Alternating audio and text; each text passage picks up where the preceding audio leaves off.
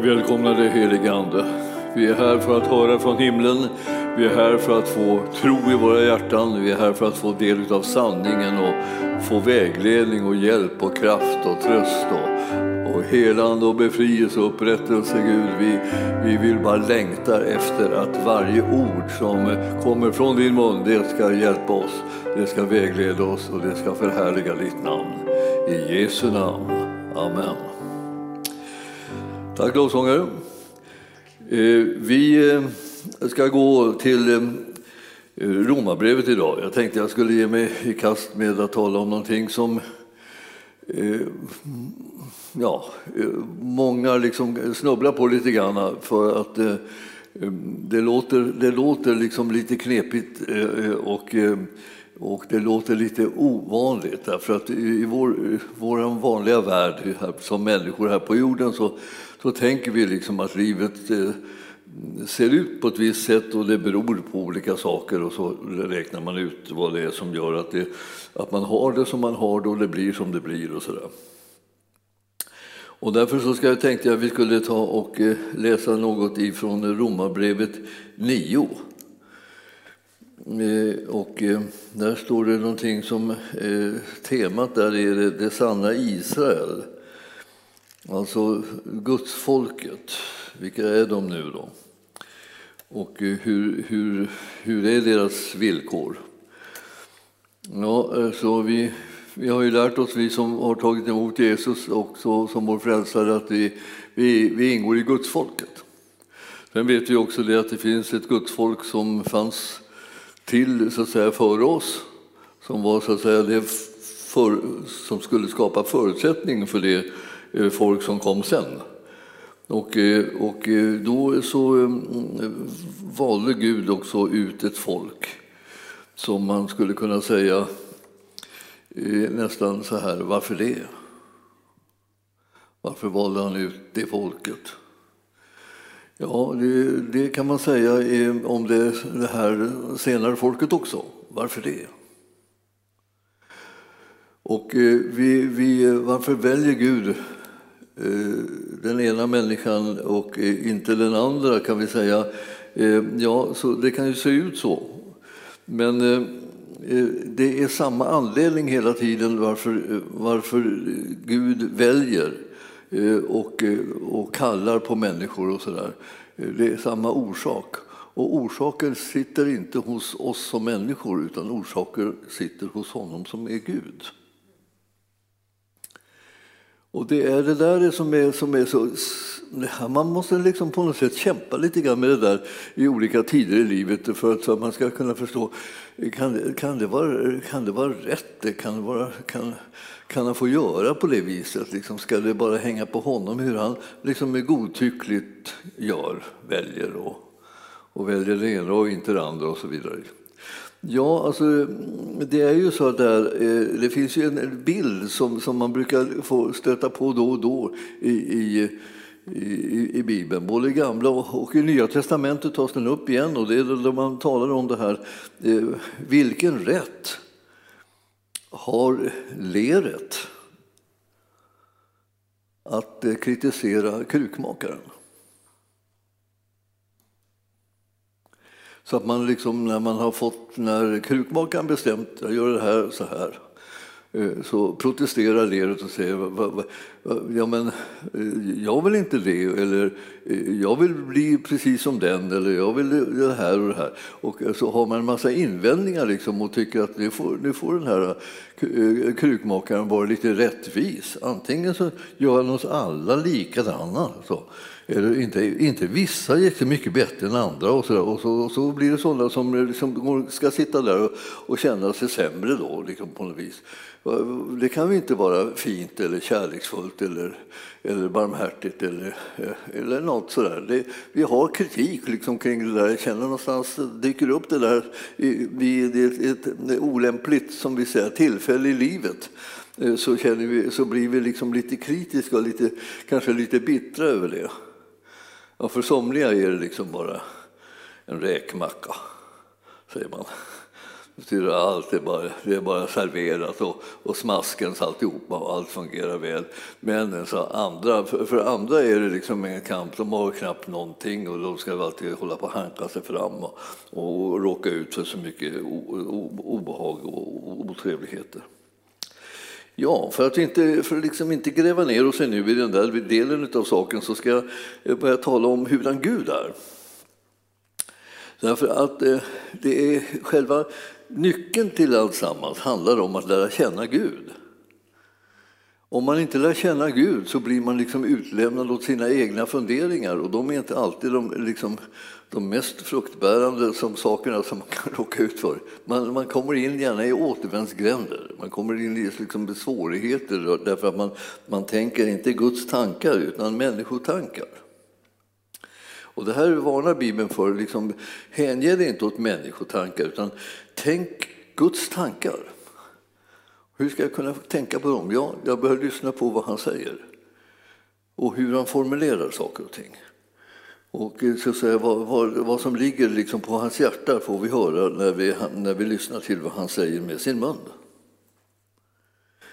Och, och, eh, och, hans väsen är också intressant att lära känna. Liksom hur, hur ska vi lära känna Guds väsen? Ja, det, det, det vanligaste liksom när, vi, när vi har börjat bli lite bibelläsare och sådär, det är ju det att vi kommer på det att om jag ska lära känna Guds väsen så måste jag lära känna hans son.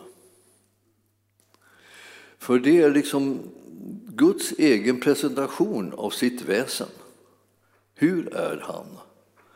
Han är som du ser sonen är. Och då kan man säga, duger Jesus åt oss? Ja, det tycker vi. Han var ju helt enastående, fantastiskt underbar och så. Han var ju god. Han var kärleksfull. Han gav sitt liv för oss. Han älskar oss alla. Han har inte anseende till personen.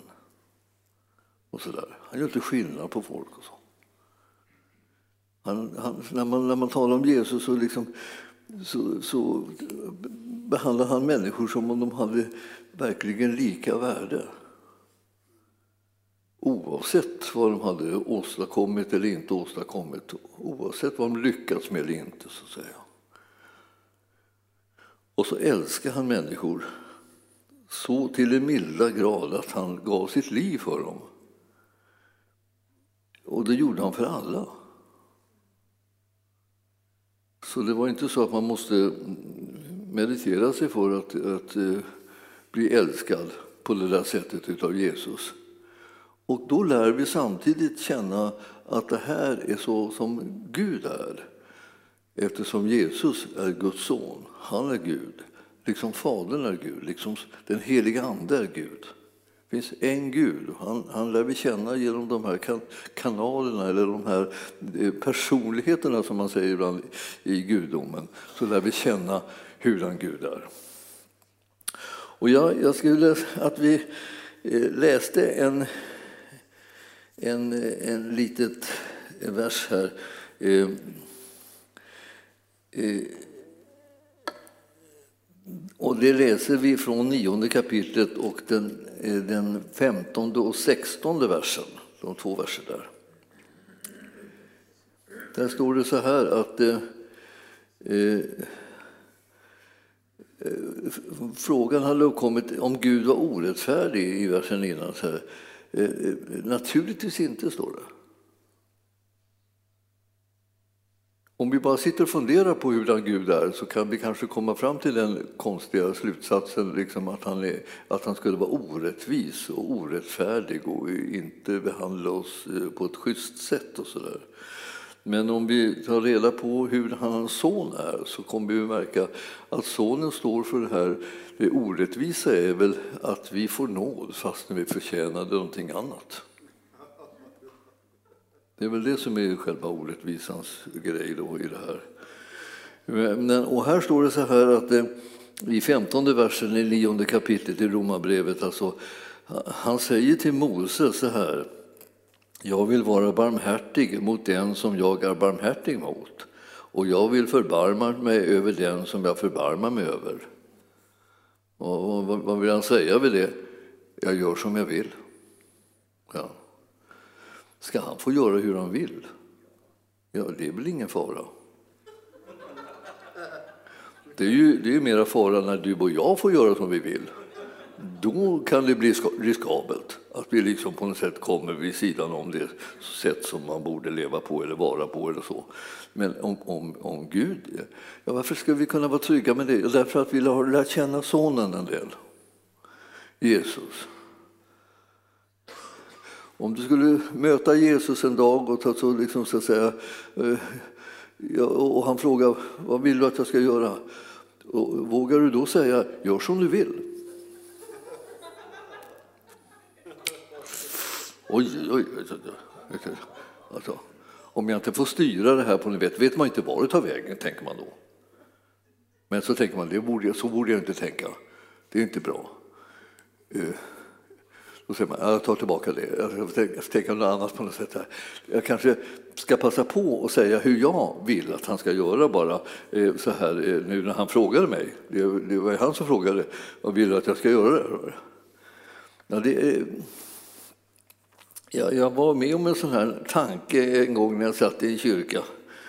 Att, eh, jag, vet, jag, vet, inte hur det kom sig riktigt, men jag satt där och så, så plötsligt kom tanken in på eh, Ja, och, så, och som jag nu sitter här i den här kyrkan här och så kommer Jesus gående i gången ner här. Och, så, så, och så stannar han vid mig och så säger han, vad vill du Gunnar att jag ska göra för dig? Så kommer jag ihåg att jag att jag först liksom hade liksom några lite spirande olika förslag så här. Ungefär som det var. Liksom en, nu, nu har jag tidernas chans att få liksom stora, den stora vinsten. Liksom så här. Men när jag förde tanken lite längre så kände jag så här att nej, det vet jag faktiskt inte på det viset. Jag vill att din vilja sker med mitt liv. Vågade jag viska fram och jag, nästan, jag kände nästan att detta var kanske inte riktigt visligt. Men eh, jag, jag, jag, jag sa inget mer. Jag tänkte jag, vet inte vad det är som han vill med mitt liv så jag vill ju helst att hans vilja ska ske så att jag, jag, jag, jag säger det. Och, och, och, i nästa stund så var liksom den där vad säger, närvaron så som jag upplevde det här eh, över. Och jag grubblade på det där lite i efterhand och tänkte, vad skulle jag passat på och eh, dragit till med någonting? Eller pengar eller något? Eller, eller kraft eller liksom mäktig tjänst eller vad, vad som helst. skulle jag, skulle tagit tag i någonting där?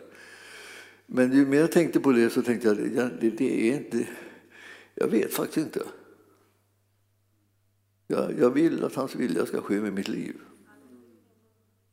Om jag i grund och botten tänker efter så, så, så, känner jag liksom alla mina förslag blir på något sätt lite futtiga. Alltså jag vet inte vad det är. Det blir något fel på dem. Det, innan, innan jag liksom stod inför själva frågan så tyckte jag att jag kunde ha många bra förslag.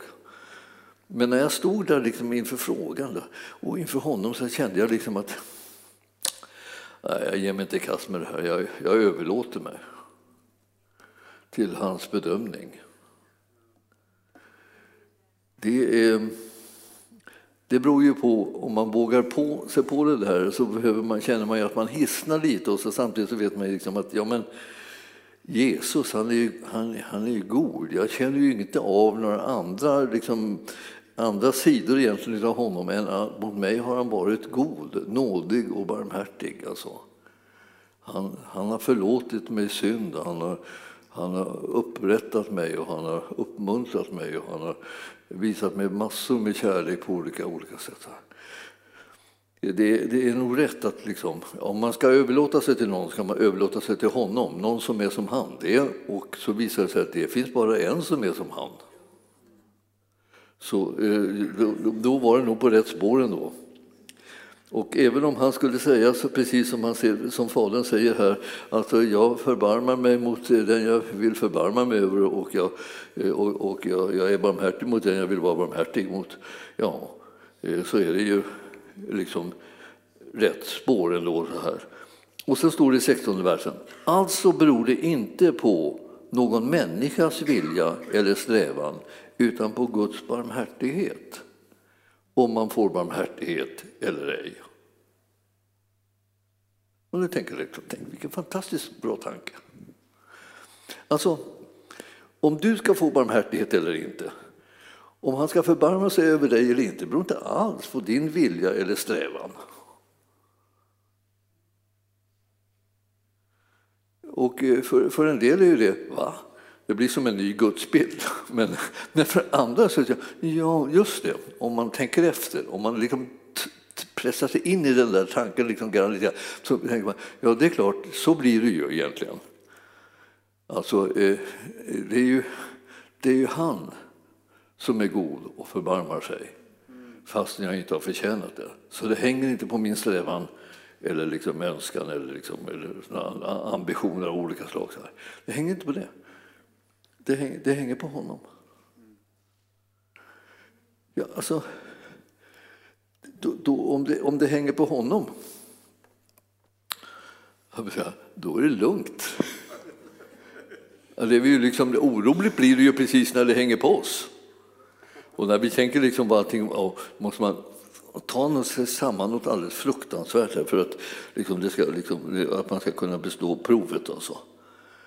Eh, och eh, min vilja måste vara klockren och min strävan måste vara perfekt och, liksom, och eh, kapabel. Och jag måste lyckas med allt det här. Eh, men om det bara beror på Guds barmhärtighet istället för allt det här som jag skulle kunna tänkas liksom presta fram, då, då, då blir ju liksom livet annorlunda. Det, det, blir ju alldeles ofantligt eh, gott egentligen. Alltså, vilken, vilken utandning hela eh, kristenheten skulle få. Om de tänker att det beror på honom och inte på mig. Ja, visserligen säger vi det ofta, men vi eh, liksom tänker liksom att det är klart att det beror på oss. Jag, jag hör ibland sådär att eh, människor talar om det, liksom olika, olika grupper som vill vara radikala och sådär. Och eh, då har de blivit radikala så, så att de har blivit lagiska istället för troende. Alltså man är ingenting. Vi tolererar inte minsta lilla avvikelse från den rätta läran eller från tron. Då är det slut. Liksom. Ja, det, det är inte alls sånt där som man hör från himlen. Utan man hör att han förbehåller sig rätten att förbarma sig över vem han vill. Ja. Och så om det sitter en man här eh, vid vägen och Jesus kommer gående och han ropar förbarma dig över mig. Så är Jesus på det sättet att något annat vill inte han än förbarma sig över honom. Alltså han, han, han, jag tror inte han kommer han kom inte på någon annan tanke helt enkelt. Alltså. Vad skulle det vara för tanke? Jag tänkte, kommer snart får vi kolla hur du lever. Hur du sköter dig, hur det är med dig. Vad har du gjort? Har du gjort det vad jag har sagt till dig? Tusen gånger. Har du, har du gjort det? Ja, man, man kan säga att vänligen skulle vissna ihop där och liksom tänka så här, har jag gjort allting, har jag gjort allting? Ja, så bara svetten lackar liksom så här. Man känner på sig, man är genomskådad, han vet allt om en och så där. Och eh, det är det som är liksom det ensidiga i det här. Han vet allt om mig, men jag vet inte allt om honom. Och, eh, och, och det kan man ju säga, men han är Gud, jag kan inte veta allt. Vet jag ens det som han vill att jag ska veta? Jag måste, jag måste veta vid det här laget, tycker man, att han är god. Att han älskar oss allihopa. Alltså, utan att jag behöver nämna dig som ett undantag. Alltså, det finns inga undantag. Han älskar alla. Han älskar alla alltså. Så. Och så förbarmar han sig om vem han vill. Vilka vill han förbarma sig över? Han vill förbarma sig över alla. Så att det, här är, det här är sånt där som jag känner, man behöver känna honom mycket mer än att man känner till att man nog har olika typer av svagheter, skavanker och eh, liksom mörka sidor i livet och dåligt förflutet eller vad det kan vara för någonting. Det är ju inte den viktigaste informationen som man behöver ha. Man behöver ha informationen om Jesus, vem han är, hurdan han är och vad han vill. Då kommer vilken människa som helst som litar på honom att kunna vara trygg. Men om vi ska lita på oss själva, då vet man ju inte riktigt om det är någon som blir så alldeles trygg.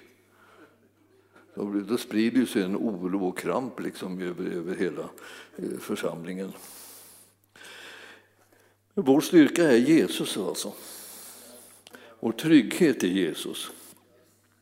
Det beror inte på någon människas vilja eller strävan, stod det här i den där versen, den där eh, 16 versen. Har ni läst den mycket och strukit under den ordentligt så här och eh, glatt er över att det är sant?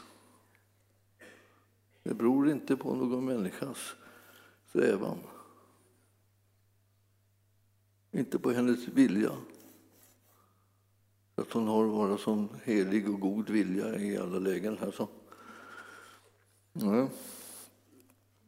Ja, jag, eh, jag tittade på det där så tänkte jag så här, ja, det, här var, det här är ju en, det här är en, liksom eh, ett ord som, eh, som, som man inte liksom gärna läser, för sammanhanget här handlar om att Gud gör som han vill. Och det är det just man, man skulle göra, vill ju egentligen överlag, att Gud ska göra som jag vill. När jag ber till honom så vill jag ju egentligen säga till honom, gör gärna som jag vill. Det här vill jag, gör så här Gud, gör så här. Du måste gripa in och göra det här och du måste gripa in och göra det och det och det. Och, och, och, och även då jag tänker, ja, det kanske gick det där, gick det där fram. Kommer han göra det nu? Ja, om jag, ska, om jag vet om han ska göra det eller inte, det hänger ihop med vad han har lovat mig. Och då måste jag igen liksom lära känna honom så att jag vet vad han lovat mig. Vad han tänkt liksom. Vad har han tänkt att ge till dig och göra för dig och så här. Vad har han redan gjort för dig? Liksom? Vad är redan klart? Och, och, och, ju mer du lär känna den sidan av saken och det vad han har gjort så kommer du kunna bli en fri och löst och trygg person. Därför han är god och han är trofast och han är barmhärtig och han är mild, han är långmodig. Så att säga. Han, han, för, han förlåter dig, han tål, står ut med dig. Ja, du vet, allt möjligt sånt här. Det kan man ju nästan fråga bara sin omgivning. Om de står ut för en så vet man inte om det var en bra fråga för man vet ju inte vad de kläcker ur sig. Det är inte säkert att, att deras svar bara kommer att präglas av, av liksom, eh, vad ska jag säga, överseende. Utan, eh, utan det kanske, de kanske tänker att nu är tiden att säga sanningen. det var inte det man ville, man ville bara höra liksom någon som strök en lite medhårs, så, liksom, så man kände sig liksom väl till mots. Men när man säger till Herren här så, så är det så att han älskar oss alltid. Alltså. Och han har valt att förbarma sig över oss. Och, eh, Ja, det, är för, det är nästan för bra för att egentligen förstå. Du, gå med mig till vers 30 nu då, i det här eh, kapitlet. Det finns det här kapitlet där det, där det står liksom att, han, att om han skulle, om han skulle eh, göra hur som helst, liksom, eller vad han vill, eller så, eh, eh så som, eh, som, som vi skulle gå under av så skulle det aldrig vara hans vilja egentligen. För att han vill att alla människor ska bli frälsta.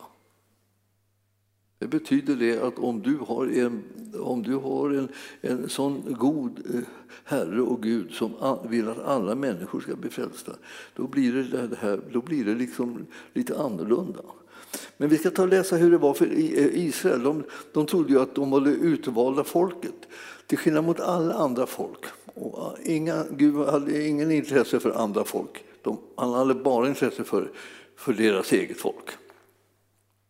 Och det hade de fått tag i och det höll de i då. Och då står det så här, hur är det med Israels egen rättfärdighet? står det i 30, 30 del, eh, versen där och neråt, tre verser. Vad ska vi då säga? Alltså, jo, att hedningarna, alltså de som inte tillhör eh, det judiska folket, alltså eh, eh, som, de, de, som inte strävade efter rättfärdighet, alltså, de vann rättfärdigheten, den rättfärdighet som kommer av tro. De fick den på ett annat, mycket enklare sätt skulle man kunna säga. Alltså kolossalt enkelt sätt. Så var det för hedningarna.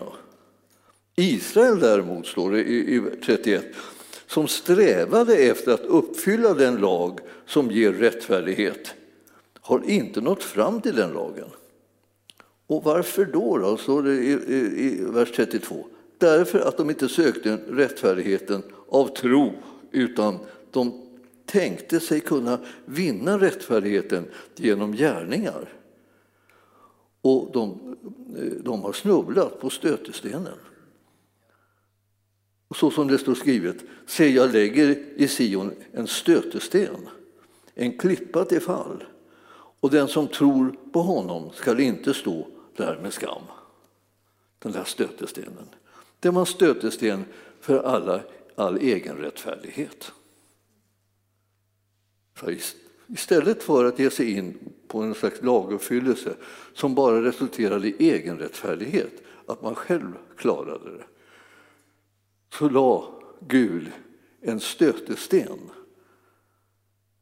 framför dem och den stötestenen var att Jesus Kristus, alltså Jesus var Messias. Och genom tro på honom så blev han frälst och rättfärdiggjord. Och den, den sprang de in i med en sån kraft, de stötte sig mot den så att de, de nästan höll på att liksom bli fördärvade. Alltså. Det var precis tvärt vad de hade hela tiden satsat på. Så de hade lagen och de visste hur man kunde, hur man kunde leva upp till den och, och hålla den och därmed bli rättfärdiggjord.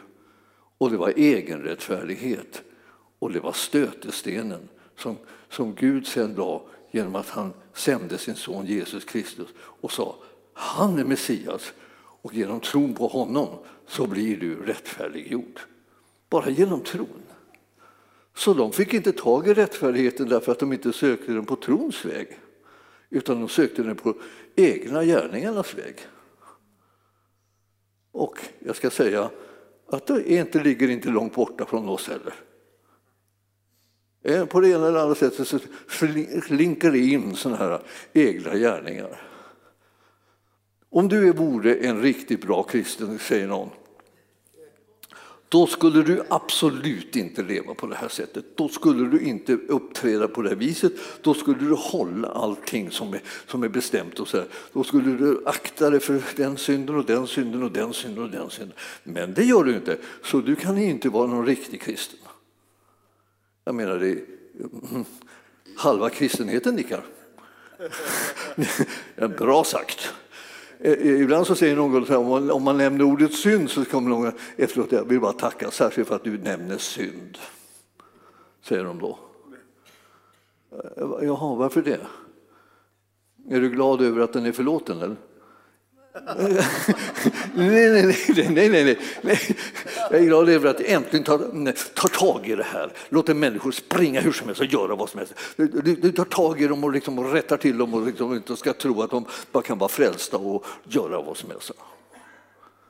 Vem är det som tror det? Att man får vara frälst och liksom bara göra vad som helst. De frälsta tror inte det. De tror ju att eh, de för, av hela hjärtat vill göra hans vilja. Men det är ingen som tror att man förlorar frälsningen om man inte klarar upp det. Utan frälst blir man ju genom tro på Jesu gärning. Så milde tid, det får inte bli hur korkat som helst.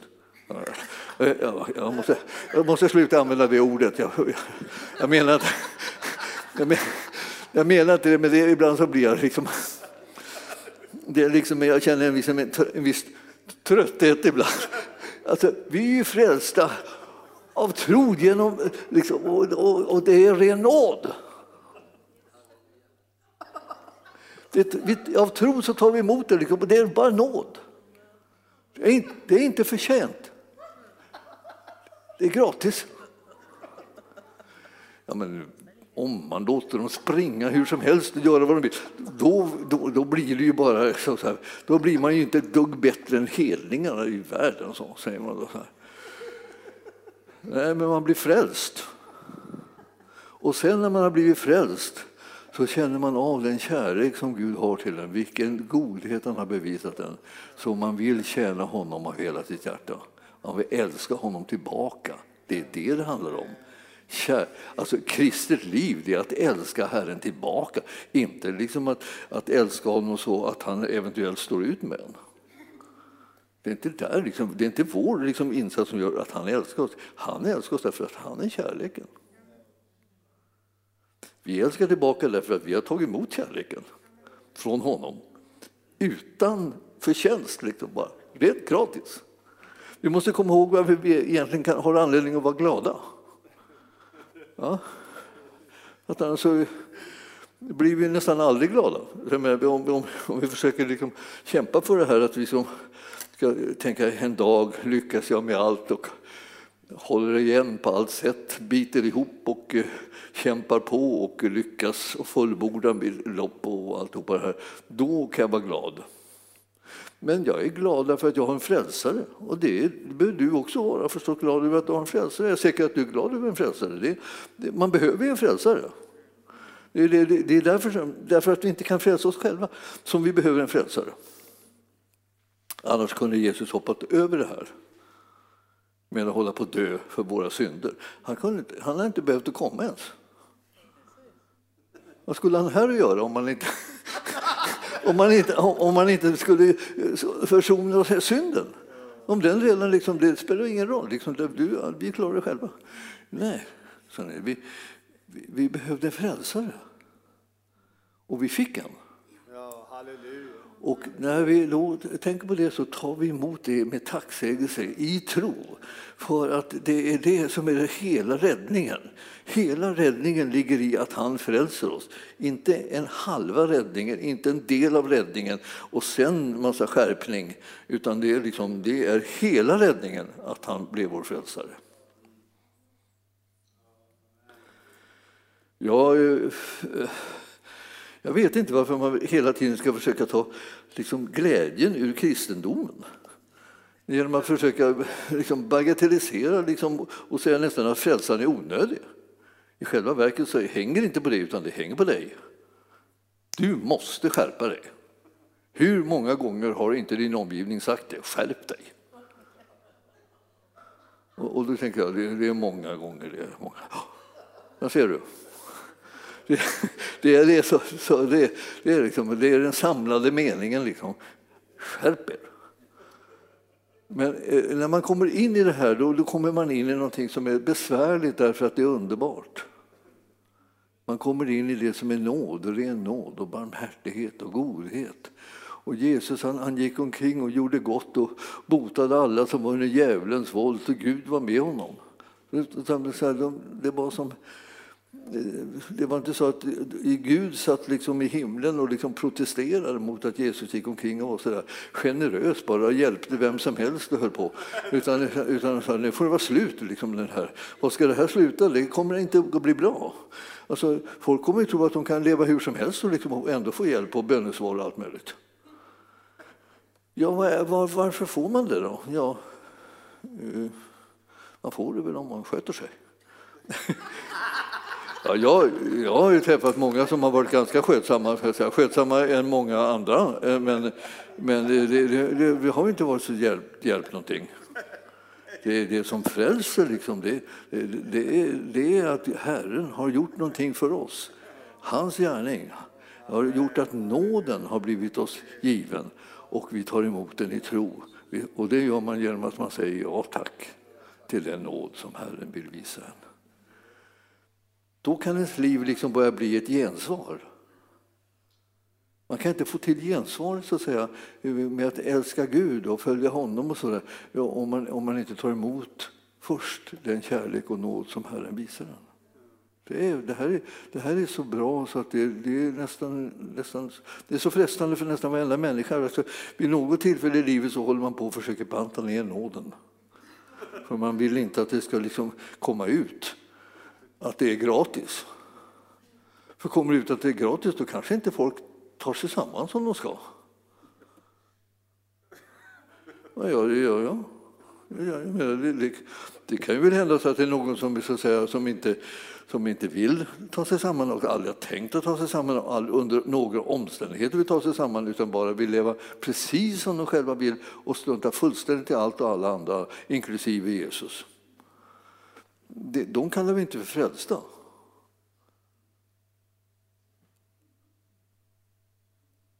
Varför då? Därför att de bryr sig inte om honom. De vill inte ha honom som sin herre. De vill inte att han ska bestämma deras liv. De vill inte liksom ha det han ger. Men om de vill ha det han ger så blir de förvandlade.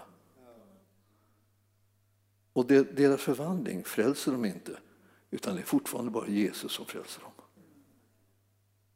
Du blir inte frälst genom förvandlingen som du själv genomgår när du möter honom som förvandlar människors liv. Utan du, du blir frälst genom hans gärning på Golgata kors. Alltså. Hans död och uppståndelse, det är det som frälser. Men han kan förvandla vem som helst. Om du bara upptäcker hur älskad du är av honom så är det som att du, du, ja, du släpper in honom. Du vill bara vara som han, du vill följa honom, du vill göra hans vilja. Du vill älska honom tillbaka. Alltså, jag tänker ofta på det här, liksom, hur viktigt det är att kunna säga då och då till sig själv. Det kristna livet är kärlek. Och utan kärlek här, finns det inget kristet liv. Och inget, ingen kärlek uppstår med mindre än att man blivit älskad först. För vi läser ju i skriften och det står att vi älskar därför att han först har älskat oss. Någon annan ordning går inte. Så om du tycker att du liksom brister på olika sätt, ta emot hans kärlek först. Och då tycker du att det är orimligt, liksom, det, är, det är för mycket. Liksom. Ja, men det är precis det du behöver. Du behöver för mycket så att det liksom svämmar över tillbaka till honom som har älskat dig först. Annars blir det där bara kramp. Och det är inte kramp som är liksom, eh, typiskt för kristendomen. Eh, borde inte vara det. I alla fall, man kan säga kramp hör hemma i någon annanstans, i någon annan gärningslära av något slag. Men inte, till exempel lagiskhet kan ju hamna i kramp. Ja. Men i kristendom eller är det kärlek så att säga, som ska vara drivkraften till det kristna livet? Och den som inte har älskat har inte sett Gud, står det. Alltså, ja, jag, jag kände, ibland så är det så där att man, bibelverser kan få kontakt med varann som gör att man får ljus över skriften. Inte bara över griften som vi säger, som vi sjöng när jag växte upp. var ljus över griften. Men det var inte dåligt heller i och för sig. Men, men, men man får ljus över skriften också. Men så plötsligt så förstår man saker därför att man, vissa bibelversar möts. Och det blir en uppenbarelse och ett ljus över det hela som är precis det man behöver för att få tro på vad Herren har gjort och hur viktig han gärning, hans gärning är. Det är den enda gärning som är riktigt viktig. Så kärlekens respons är viktig också, men den kommer utifrån det här fantastiska att han har älskat oss först och gett sitt liv till försoning för all synd, vår synd. Så nu är den försonad och vi har blivit rättfärdiga gjorda av honom. Ja, jag, jag ska... Jag ska, jag ska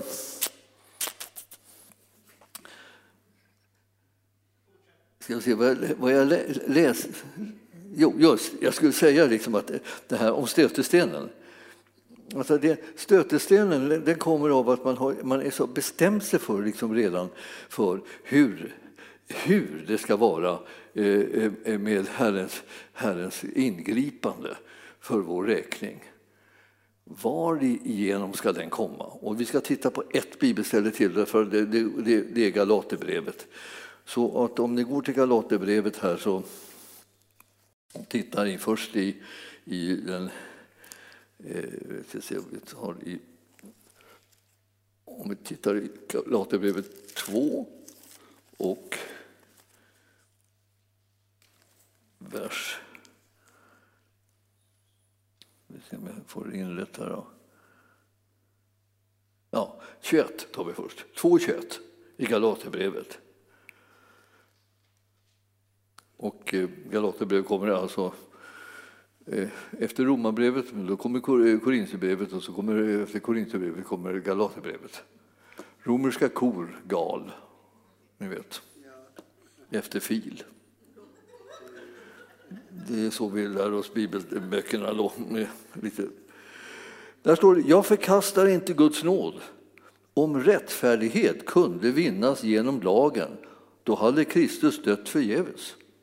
Då var det inte ingen mening med att han död, log, för vi hade ändå klarat oss därför att vi hade kunnat eh, hålla lagen. Och sen går du till 3 och 21. Strider du lagen mot Guds löften? Nej, inte alls.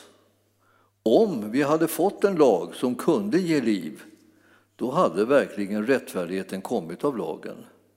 Men nu har skriften inneslutit allt under synd, så att det som var utlovat skulle ges genom tron på Kristus, Jesus Kristus åt dem som tror. Så Gud valde en annan väg när han sände sin son. Nu gjorde sonen det som behövde göras. Och så utmaningen som kom till oss var minimal mot den här som var i lagen. Den var bara tro på det som sonen gjorde för er, att det var för er. Och ja, vi måste ta ett bibelställe till därför att, och avsluta med det. Det är Romarbrevet 10, 9 eh, och 10 frälsningsorden där då. Hur blir man frälst? Hur får man liksom, vad, är det, vad, är det som man, vad är det man ska göra för att bli frälst? Liksom? Hur ska man kunna bli frälst? Och, så? och, och då, då, står det så här i, i 9 och 10, Roma, eh, Romarbrevet 10. Om du därför med din mun bekänner att Jesus är Herren, det vill säga Gud, och i ditt hjärta tror att Gud har uppväckt honom från de döda, då blir du frälst. Så att om du, om du bekänner att Jesus är Herren, att det är Jesus som är Gud och, och i ditt hjärta tror att Gud har uppväckt honom från döda, då blir du frälst. Och vad är du sen då? Frälst. Du är inte nästan frälst, eh, knappt frälst liksom sådär, eller, eh, eller bara liksom lite inledningsvis frälst. Men sen så måste du göra många saker för att liksom vara säker på att du är frälst. Utan du är frälst. Det är liksom det var det. Och sen står det i nästa vers då. Ty med hjärtat tror man och blir rättfärdig, det vill säga godkänd av Gud. Med munnen bekänner man och blir frälst. Så jag bekänner min tro på Jesus och det frälser mig. Och genom hjärtats tro så blir jag rättfärdiggjord. Tro på Jesus, att han har rättfärdiggjort mig, det gör mig rättfärdig. Och det betyder godkänd, accepterad av Gud. Hur har jag kunnat bli det? Tack vare Jesus som är min frälsare. Han har frälst mig han har rättfärdiggjort mig, han har försonat mig med Gud. Och därför så är jag inte längre en syndare, utan är nu ny identitet och är rättfärdig. Halleluja och halleluja och halleluja och halleluja. Man kan undra vad ska man ha halleluja till? Det är det nu. Halleluja, det är nu man ska ha det. Liksom. Man kan säga. Det finns ingenting så mycket att säga halleluja om än just det här. Alltså. Att han, han har fullständigt gjort det. Jättegratis till oss.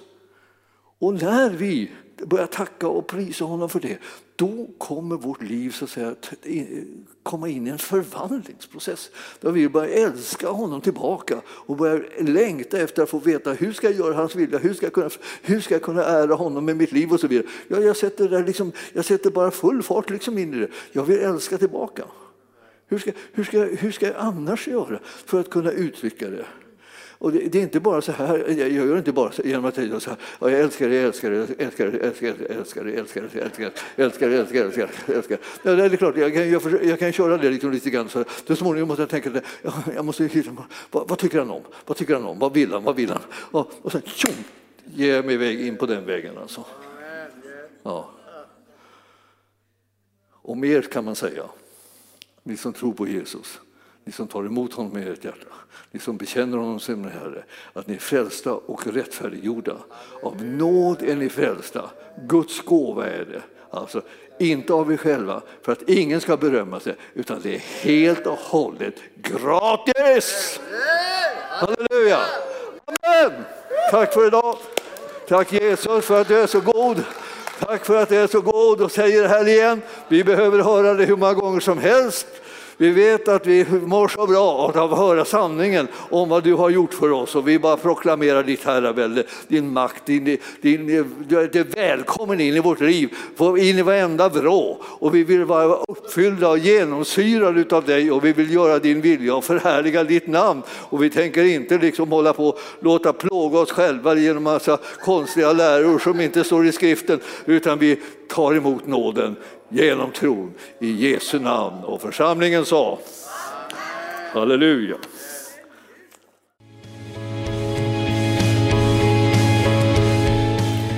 Tack för att du har lyssnat. Vill du få del av mer information om församlingen Arken, vår helande tjänst, bibelskola och övriga arbete, gå in på www.arken.org.